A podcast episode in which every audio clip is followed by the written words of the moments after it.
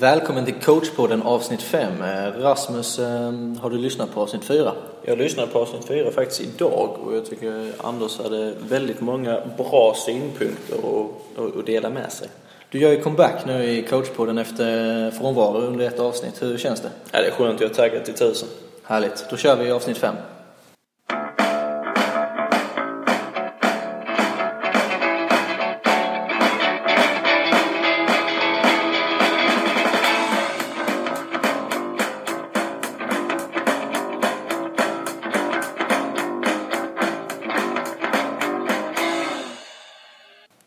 Välkommen till coachpodden avsnitt 5. Idag kommer vi prata om hur det är att agera mentor och hur man kan hjälpa andra tränare att utvecklas. Ehm, vi har faktiskt bjudit in två gäster som just nu befinner sig i Blekinge, men eh, de har ju kört en bit för att komma hit. Välkommen Ola Larsson och Charbel Selvan. Tackar, tackar. Vi eh, kör ju en faktaruta i denna podcasten och eh, vi börjar med Ola. Ålder? 37. Utbildning? Eh, civilutbildning har jag utbildad lärare. Eh, Fotbollstränarutbildning? Där har jag prov, utbildning och Uefa-prov. Familj? Två barn, fru. Din sysselsättning? Jag jobbar på Digitala Fotbollsakademin. Och ditt favoritlag?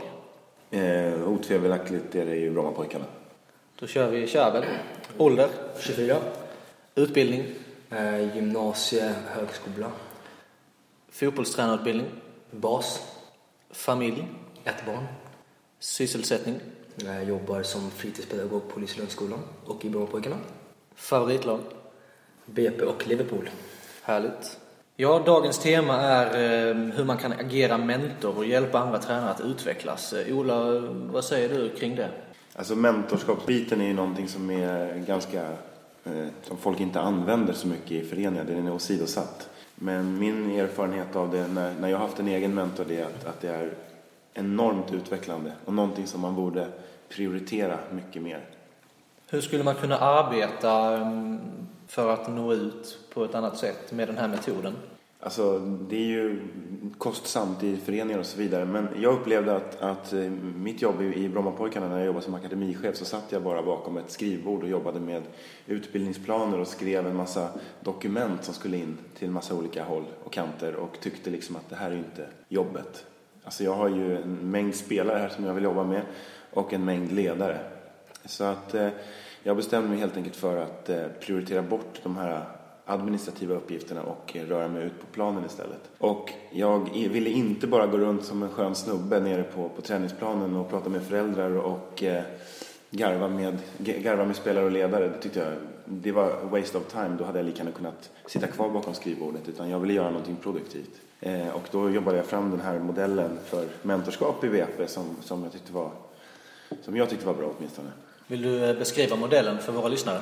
Men det är enkelt. Alltså, för några år sedan när jag själv var tränare på, på U19-nivå så fick jag och Stefan Billborn, eh, eh, en, en kompis till mig, möjligheten till att ha Rickard Norling som, som eh, mentor.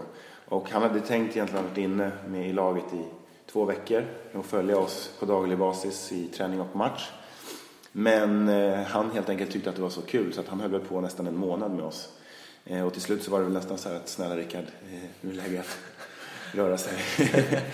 Men skämt åsido, för att det är ganska tidkrävande. Och eh, så som han jobbade, och det är det som jag vill jobba också. Jag har ju stulit hans modell i princip rakt av. Eh, och så han jobbade, det var ju att han följde oss i den dagliga verksamheten varje träning. Vi träffades en halvtimme innan varje träning, gick igenom träningspasset. Han antecknade allt egentligen, eh, gick ut på planen och han hade ingen kommunikation vare sig med oss eller med spelarna. Så att han var ju den här flugan på väggen liksom och eh, gick och antecknade under träningspasset och sen satt vi ner efter träningspasset och han gick igenom allting. Va? Och det är där jag, jag menar på att han är superduktig på att prata. Och eh, om man hade planerat en halvtimme eller 45 med Rickard efter så kunde det lätt bli en och en halv, två. Eh, så att det är väl den grejen egentligen som jag känner att fasen, här kan man begränsa sig själv liksom, som, som mentor. Annars så tyckte jag allting han gjorde var, var magiskt.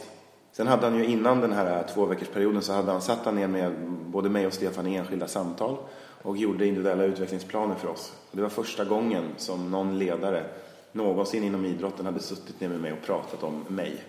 Jag hade aldrig varit med om det förut. Vilket gör att jag hade inte ens tänkt på mig själv eh, jag hade faktiskt inte någon aning om vem jag var som tränare, vilket jag skäms över nu i efterhand. Där är ni klart mycket mer insiktsfulla, det märker man när man lyssnar på er podd. Eh, och eh, jag tycker att det som han gjorde där var, var det som har, har, har gjort, liksom har löst allting för mig och varför, varför jag är den som jag är idag inom fotbollen. Så det är stort. Sen efteråt så hade han ett avslutande samtal eh, och det var ju också en sån här, skulle vara en timme men det blev två. Och sen så gjorde han ett skriftligt omdöme och sammanfattade hela perioden i en perm. Och egentligen allting som jag hade sagt under den här perioden eh, fanns i den här permen. Plus att han skrev det här omdömet då. då. Eh, och jag har fortfarande kvar den där permen och går in och tittar i den många gånger för att liksom påminna mig själv om vem jag är som tränare och, och så att man inte glömmer bort sig själv. Hur mycket tid la han ner på detta egentligen? Eh, jättemycket och det var väl också på grund av att han hade lämnat AIK och varit borta väldigt länge, varit i Argentina och sökt sig själv lite grann. Och hade väl den här tanken om att kanske starta någon typ av coachingföretag. Mm. Eh, och eh, jag skulle säga att det här blev det som han gjorde. Alltså, mm. så var min familjen säger, men det här var det som han gjorde. Ja, ja. Chabel, eh, har du varit med om detta? Ja, kanske inte så extremt som Ola. Men eh, under en längre tid kanske. Jag eh, hade förmånen att få jobba med Stefan Billborn ett och ett halvt år eh, på Pojkar 03 BP. Och ja, det var lärorikt. Vad, vilka detaljer kan in på i, i träning till exempel? Kan du beskriva en typisk träning? Vad han tryckte på? Själva träningsmodellen? Eller hur vi, hur vi ja, skulle träna? Hur, ja, precis. Nej, men det var mycket det här som, som vi pratade om, om här i, Blekinge, det här med stegra träningarna och liksom, eh, att det ska finnas en röd tråd genom hela träningen. Men, men det absolut viktigaste som, som jag lärde mig från Stefan tror jag var de här små grejerna som, som kroppsspråk och, och, vad man säger och hur man säger det och hur man når ut till så pass små barn och hur man får dem att, att förstå det man säger. Eh, och även såklart detaljer i själva träningarna. Eh, allt från att flytta en kon en meter till höger, vänster, upp eller ner. Jättemycket. Och sen hur han var eh, i gruppen. Fantastiskt. Man, man, liksom, ja, man lyssnar, man gör det oavsett. Mm. Ni eh, befinner er i Blekinge just nu och hur mycket diskussion om fotboll och tränarskap blir det när ni är här nere? Nej, men enormt mycket. Eh, men jag skulle vilja fylla på eh, lite där, för att det som vi pratar om nu det är färdiga träna, träningar för, för unga tränare. Eh, och det är väl en sak som, som om, när jag ser tillbaka på min tid i, i VP, att jag verkligen skulle ändrat. För att jag upplevde att, att, ehm, att, att det här med att ha en positiv människosyn är ju någonting som inte är bra. Liksom. Och det är någonting som, ni, som, som jag ska utveckla det på grund av att om man har en positiv människosyn så tror man ju på sina tränare. Eh, och så tänker man att den här tränaren då, låt oss säga Kärbel, eh, kommer vara bra här. Om, han, det är ett råämne. Jag ser att det är en fantastisk tränare men jag ser också de brister han har eh, och han kommer bli grym om tre år. Om tre år kommer han bli bra. Eh, problemet är att under den tiden så har Kärbel en massa spelare som spelar i, i föreningen. Och de får inte optimal träning under den perioden. Och eh, eh det tycker jag är ett problem. Eh, sen ett annat problem är att jag tycker att diskussionerna i början med en ny tränare, om man inte har utgångspunkten i färdiga träningsplaner eller någonting att diskutera om, så blir diskussionerna väldigt vida och det handlar väldigt mycket om blaha blaha. Det blir inte konkret. Och, eh, eller inte tillräckligt konkret skulle jag säga. Och eh, därför skulle jag säga att Eh, Eh, den här positiva människosynen, att man ska tro på sina ledare, kan man glömma bort och, och, och vara lite mer krävande och ge dem färdiga träningsprogram och låt dem följa det och så kan vi ha en bättre diskussion om vad vi faktiskt ska göra. Sen släpper vi dem fria. Då tror jag att utvecklingen skulle gå mycket snabbare på, på vår ungdomssida.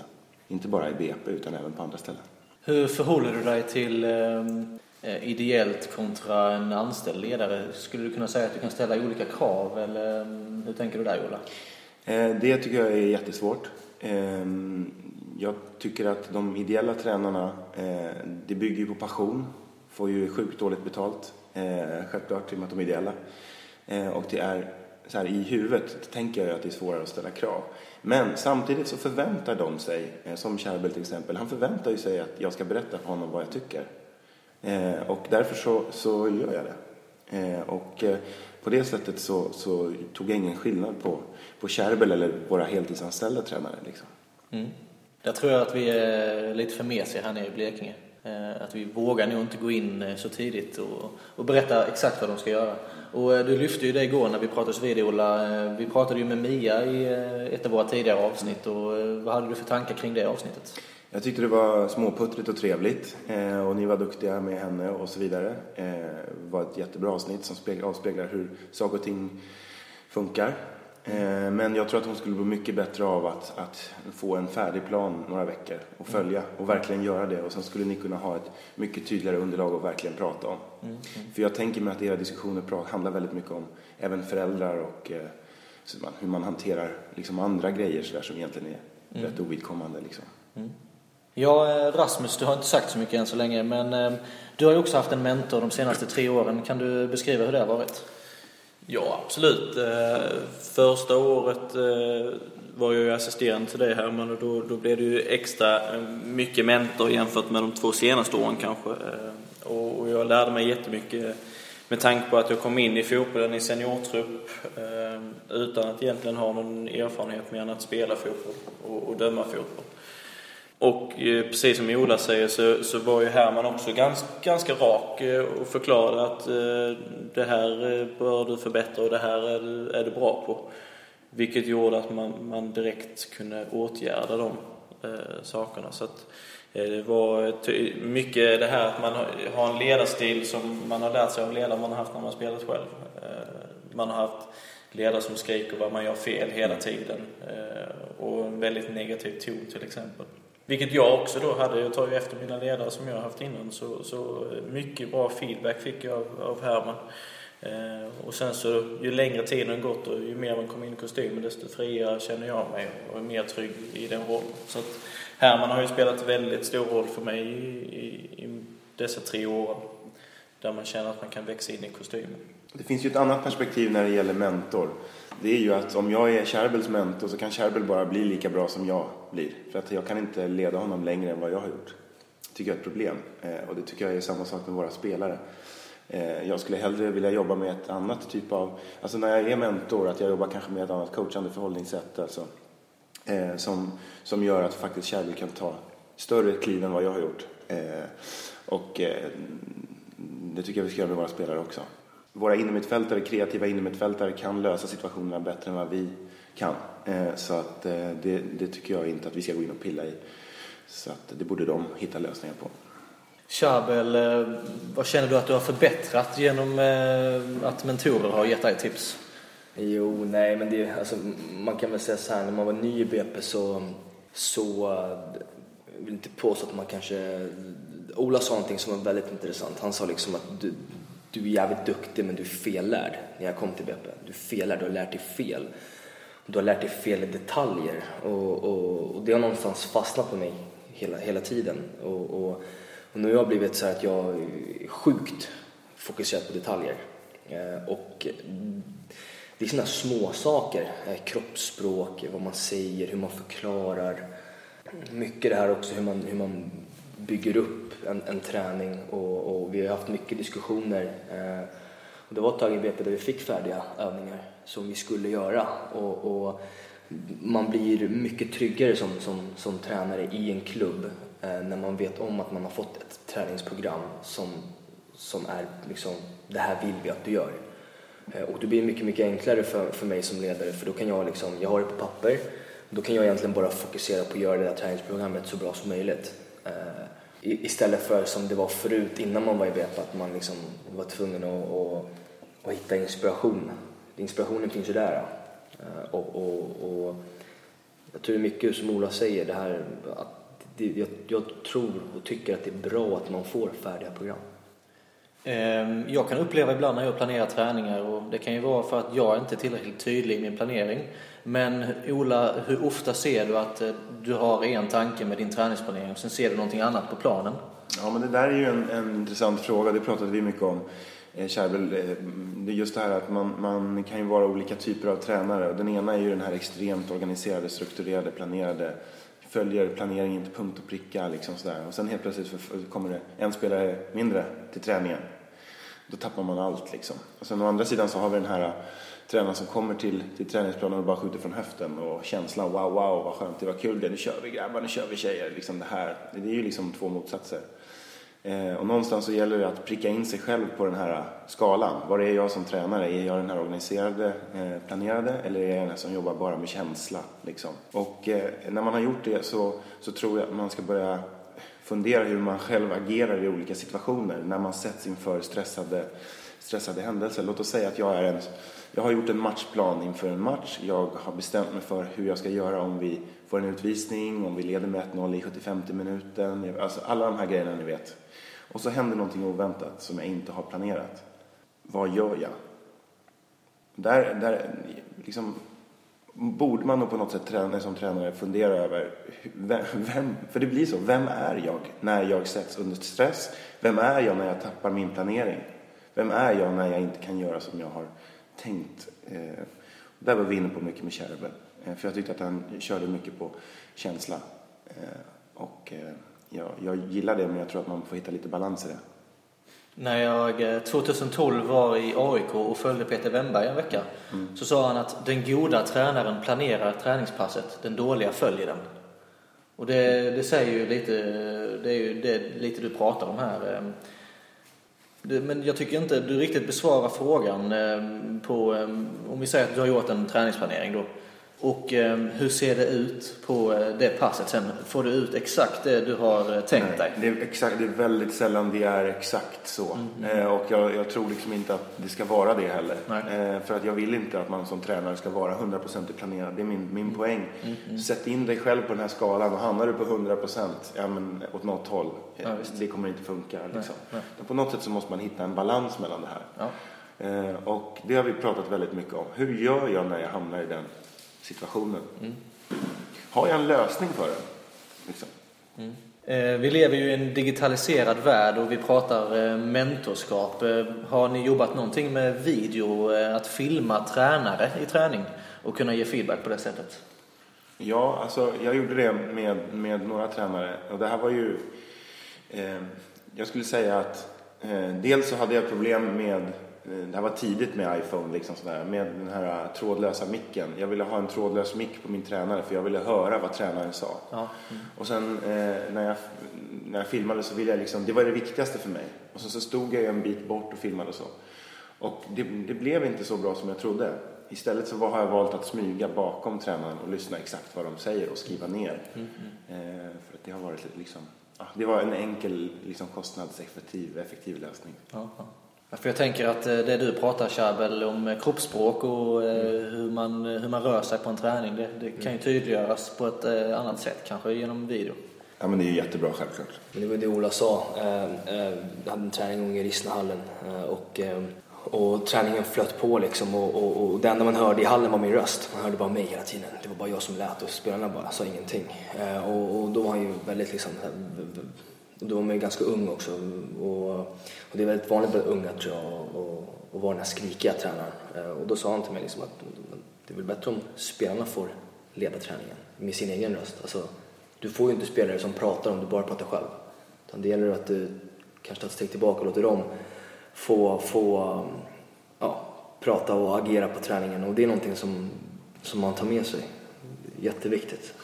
Detaljer hela tiden.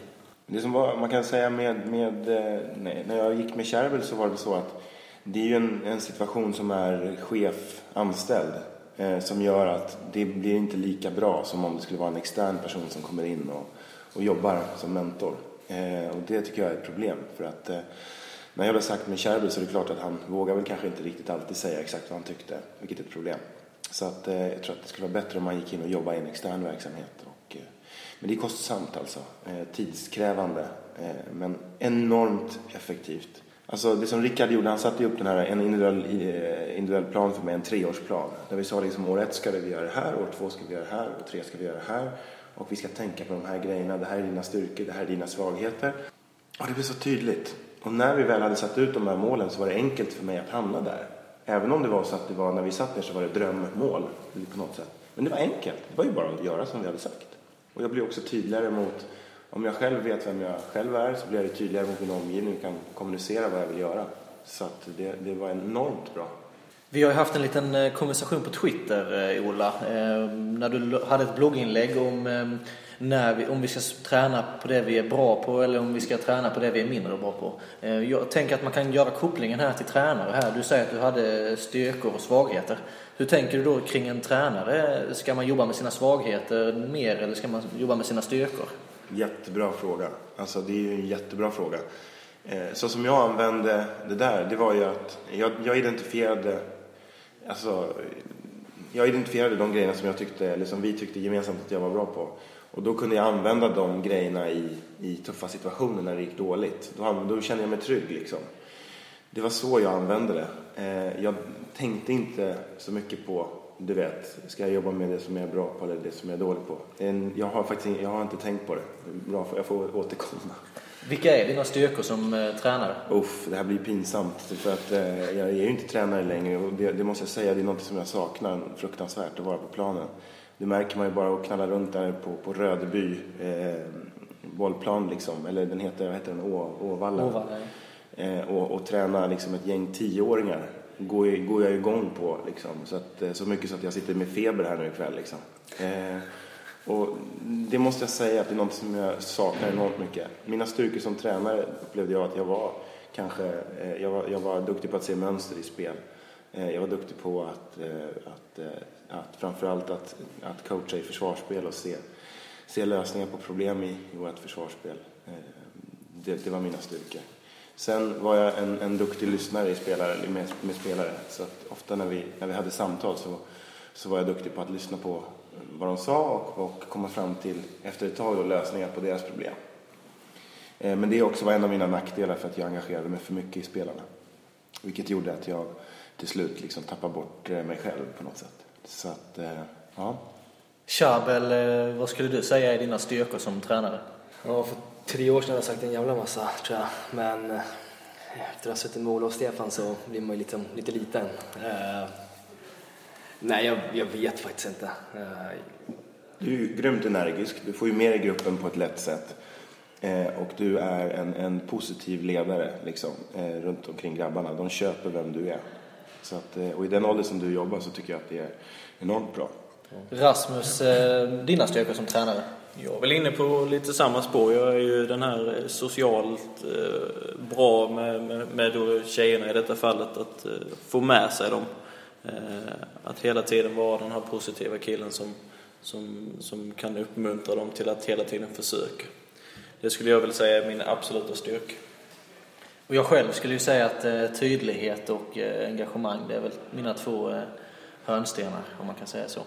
Ska, ska man ha någon sån här diskussion om hur man skulle kunna lösa problemet med mentorskap? Hur hittar man sin mentor? Ja, för jag, jag, jag, jag tänkte lite det här med att, eh, som du säger, nu, nu har ni jobbat på akademinivå, mm. alltså med heltidsanställda. Hur gör man i en, för, säg en division 4-förening, mm. herrar?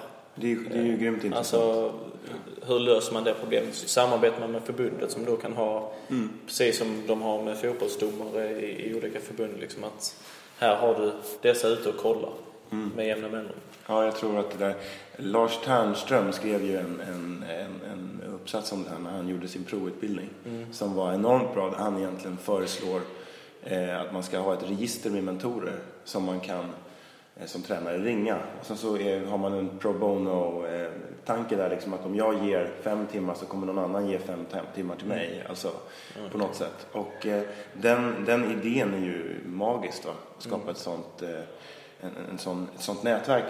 En annan grej är ju att ta betalt för tjänsten men det, det ska jag säga är ju så, det är så grymt dyrt och det är få som har möjligheten till att göra det. Sen tror jag det finns ganska mycket folk som vill lära ut men jag tror det är få som vill ta emot. Tror jag. Jag vet själv, jag var, typ när, när Ola skulle komma ner på träningarna, alltså jag var skitnervös. Och, och, och den nervositeten kan ju enkelt göra att man blir rädd och, och kanske tycker att det bara är skit när det egentligen bara är positivt. Tror jag mycket på. Framförallt unga ledare som, som har en sån prestige tror jag. Mm. Det gäller att komma in rätt så prestigelös för det finns alltid någon som är bättre än en själv. Alltid, oavsett vilken nivå man är på. Och just i, i, i, i det här fallet när Ola kom ner på våra träningar då jag såg det bara som en, en sjukt häftig grej att en, en, en kunnig person kommer ner och vill lära mig. För det är någonstans det det handlar om. Han vill komma ner och göra att jag blir bättre. Och samma sak med Stefan, han var ju där för att göra mig bättre. Eh, och, och det är så jag såg på det. De var inte där för att övervaka mig. Det var inte så. De var där för att jag skulle bli bättre. Och det är någonstans den, det man måste ta till sig.